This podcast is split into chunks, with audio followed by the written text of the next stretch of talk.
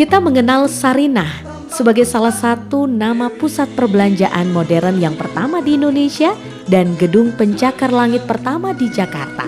Namun siapa sangka Sarinah merupakan nama pengasuh Bung Karno sewaktu kecil.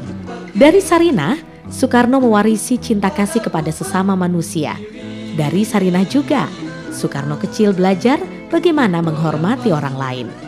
Soekarno teramat mengagumi pengasuhnya tersebut, bukan tanpa alasan, karena Soekarno sendiri mengakui bahwa Sarinah adalah kekuatan paling besar dalam hidupnya.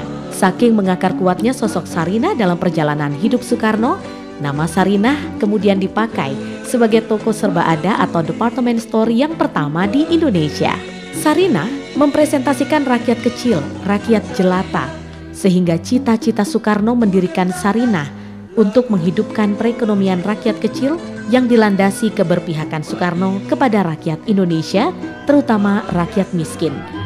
Tujuannya agar Indonesia bisa berdiri di kaki sendiri secara ekonomi.